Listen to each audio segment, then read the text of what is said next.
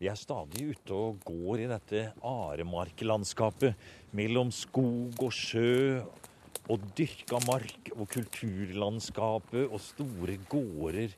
Og egentlig veldig velholdt og, og flott. Se der borte på den store Er det, er det en eik kanskje som står midt utpå jordet der og har denne veldig vakre, store krona der? Ja, og vi har sett flere sånne. Ja da. Og vi er, ute, vi er ute og går nå, Einar. Vi er nemlig og går og leter og finner frem til det som er så spesielt rent arkeologisk med Aremark. Vi leter etter hellekistene, og vi er på vei til enda en her nå. Det er vi nå. Ja. Eh, vi har et stykke å gå, men eh, vi er på Lund, da, som er, eh, er nabogården til eh, Fange, hvor vi før har vært. Og Lund ligger eh, veldig vakkert til, ved, like ved Strømsfoss sluser, ved nordenden av Aremarksjøen. Ja, så hit hvor vi kommer nå på Lund, kom jeg første gang sammen med statsstipendiat Erling Johansen på begynnelsen av 70-tallet. Og han hadde tenkt seg at det her fantes noe som han tenkte kunne være en uundersøkt helligkiste fra steinalderen. Og noe mer ble det ikke til den gangen. Men når vi kom så langt som til eh, år 2000, da ble det anledning til å foreta en undersøkelse som, et, Ja. ja, som en del av et forskningsprogram, rett og slett. For da kom dere hit. Vi har gått inn i havnehagen her. Vi har gått over beitemark og, og sånne ting. Og så har vi kommet ut til en liten Det er ikke en åkerholme, men det er en liten forhøyning på siden her av dette beiteområdet. I en liten sånn dal som vi står i her nå. Like nede ved sjøen der. Vi ser sjøen mellom trærne, og veldig vakkert beliggende og fredelig er det her. Og med utsikt ut, utover sørover da, sjøen. Og så Og står vi på denne forhøyningen, Ja. og det er en gravrøys, rett og slett. altså. Den ligger nok på en naturlig forhøyning i terrenget og utnytter den. Men det er en gravrøys, og på toppen av den så ser vi altså Noen reiste steiner. Ja. Ja, det er noen steinheller. Heller. Ja, som står i akkurat den typiske rektangulære formen. Det gjør de. Men den er ikke hel, kanskje? Den er Nei, sørenden av den eh, viste seg å være veldig ramponert og har antagelig vært utsatt for et innbrudd en gang, kanskje, eller hvordan det nå skal forklares. Vi kom her en gjeng da fra Kulturhistorisk museum i 2000, som sagt, og, og fikk grave ut, undersøke oppbygningen av røysa, Ja. og også innholdet av, eh, av selve gravkammeret, og hvor en av takhellene var intakt. Den ligger her egentlig fremdeles. Det som for så vidt her ser ut som en vegghelle, er kanskje egentlig en takhelle som hviler på en Aha, der, ja. Som du har benet ditt på der. ja, ja, nettopp. Og her fant vi det, det, var jo, det var jo veldig spennende og fascinerende utgravning. fordi selv om innholdet var ødelagt og graven var veldig ramponert og alt sånt, så var det allikevel bevart rester av det som en gang hadde vært her. Og det var tre dolker av flint. Det vil si, eller rettere sagt to og en halv, for det var to hele og en som det bare var skaft igjen av som lå nedi her, og som må ha, vært, må ha tilhørt tre forskjellige personer som har vært begravet her. Det var ikke noe, noe igjen av dem, da. Ikke noe, Ikke noe skjelettrester. ikke noe sånt. Nei. Men i tillegg til de dolkene, så var det da noen små pilespisser. Nydelige, som vi kaller hjerteformete pilespisser av flint. Som viser at her har det vært begravet noen steinalderkrigere med våpenutstyret. Igjen så møter vi krigerne i disse gravene. Det møter vi jo første gang. Det var egentlig her vi for første gang i- norske funn møtte dem sånn for alvor. I hvert fall hvis vi da inkluderer bueskytterutstyret som en bekreftelse på den posisjonen de har hatt. Fordi i tillegg til de pilespissene, selve buene og alt det var jo borte, og kogger og alt sånt, men, men, men det var noen flintstykker som hadde en form og størrelse som gjør at vi kanskje tror at det har vært emner til pilespisser som disse bueskytterne da hadde med seg, slik at de i et knipetak kunne lage nye spisser. Fordi sånne spisser de har jo en eh, lei tendens til Til å bli- forsvinne, ja. Ja, det er det. Ja. Så, så det må vi tenke oss at de har vært i stand til å gjøre. Da, for så vidt akkurat som han som mange har hørt om, Øtzi, som han kalles, eh, ismannen nede fra Alpene. Som hadde med seg utstyr og råmateriale til å lage pilspisser av flint. Sånn har det vært her også, for 4000 år siden. Vil du si litt om, holdt jeg på å si, hva slags type gravskikk vi snakker om her? Hva slags samfunn som produserer denne type eh, gravform? Ja, eh, det er eh, på en måte ingen helt avgjørende brudd i kulturhistorien fra den gang til nå. Det er en sammenheng, sånn at det er mange trekk ved kulturen i slutten av steinalderen som vi syns vi kan kjenne igjen fra det vi kjenner fra senere tid. Folk bodde på gårder, de bodde i langhus. De begrov de fremste av sine døde i eh, monumentale graver.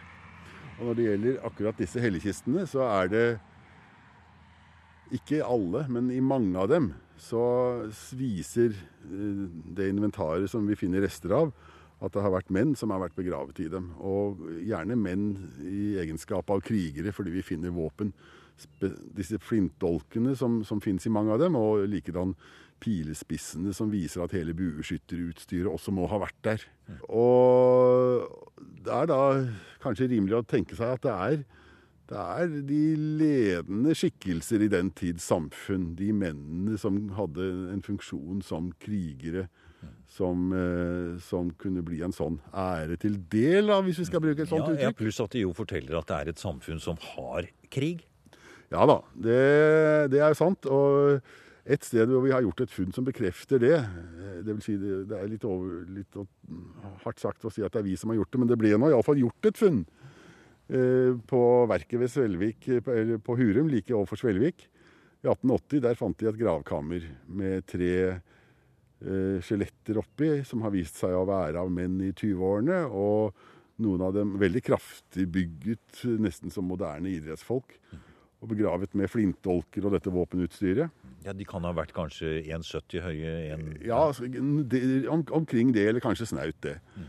Og, og, sånn. Og så har de og kraftig bygd. Kraftig bygd, altså. Ja. Professor Per Holk, som har undersøkt dem, sammenligner dem med moderne toppidrettsutøvere. Mm.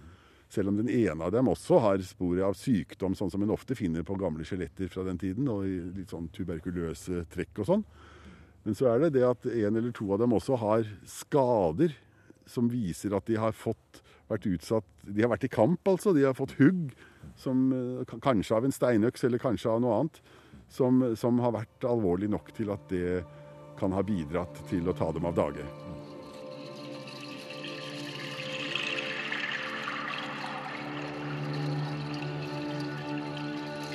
Et annet sted i dette området professor Einar Østmo og Kulturhistorisk museum har gjort arkeologiske undersøkelser av helligkister, er ved Kollerød, som først ble registrert av Helge Gjessing i 1910.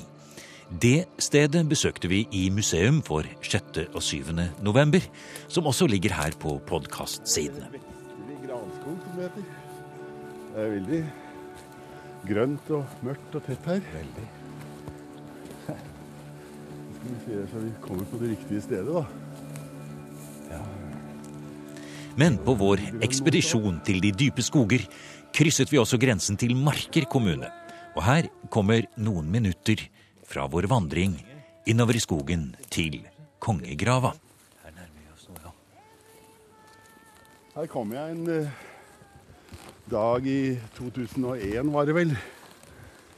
Sammen med oppsitteren. Kjent, var lokalkjent, naturligvis. Ja. Så kom vi inn i skogen akkurat her, og det var sol den gangen. Det er ikke i dag. Og så sto lyset akkurat mellom trærne her. Ja. Og så falt det på noen steinsaker ja. som ligger her inne. Her, ja. Og så spurte han professoren hva kan dette være for noe. Ja, han eh, ja. hadde jo et navn på det selv, da. Ja. For han kalte det kongegrava. Aha. Og se her, ja. Og her ligger kongegrava, da. Ja.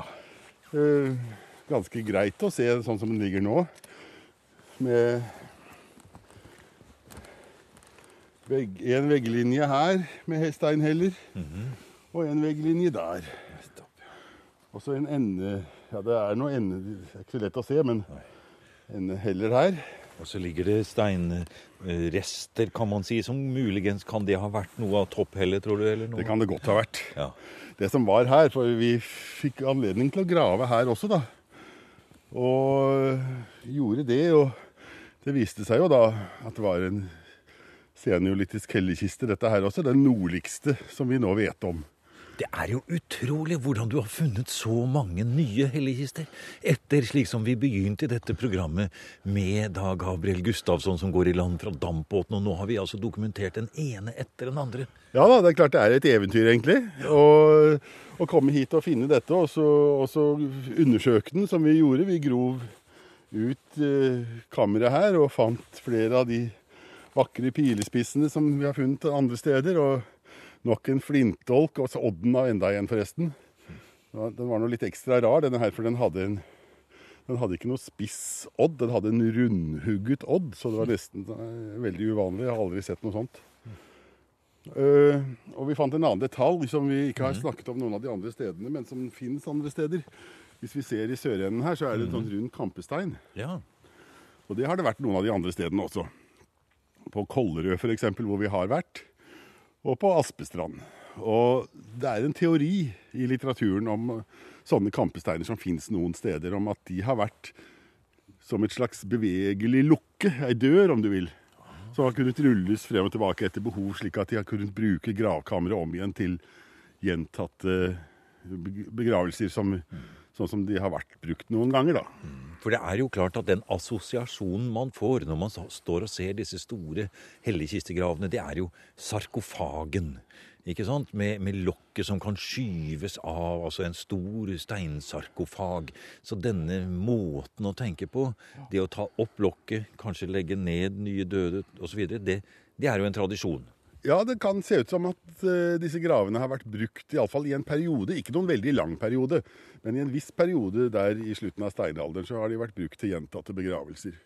Sånn som f.eks. på verket der ved, på Hurum ved Svelvik, med fem dolker og tre skjeletter, som kan ha vært begravet på samme tid, eller kanskje over en viss tid, som vel egentlig er mer sannsynlig. Og likedan i flere av disse gravene som vi har kunnet undersøke her, så er det jo funnet skal vi si, spor etter flere begravelser på den måten at det er funnet utstyr til flere personer. Våpenutstyr, da. Flere dolker, flere pilespisser og sånt. Så en, en, en, tolkning av det kan jo være at det har vært brukt flere ganger. Noe aldeles sikkert er det jo ikke så godt å si, fordi vi har jo Det er mye som er borte, da. Så, så, det er det. En annen ting som kan være verdt å nevne her, som var en, i hvert fall en opplevelse da vi holdt på å grave her, det var jo at hele grava var gjennomvokst av trerøtter. Vi ser det står igjen noen stubber her fremdeles. Og de trærne, de røttene, de hadde sprengt mange av hellene i stumper og stykker. Sånn at uh, en kunne tenke seg at uh, i løpet av noen generasjoner til så kunne det nok komme til å ligne enda mer på en grushaug enn det gjør nå, altså.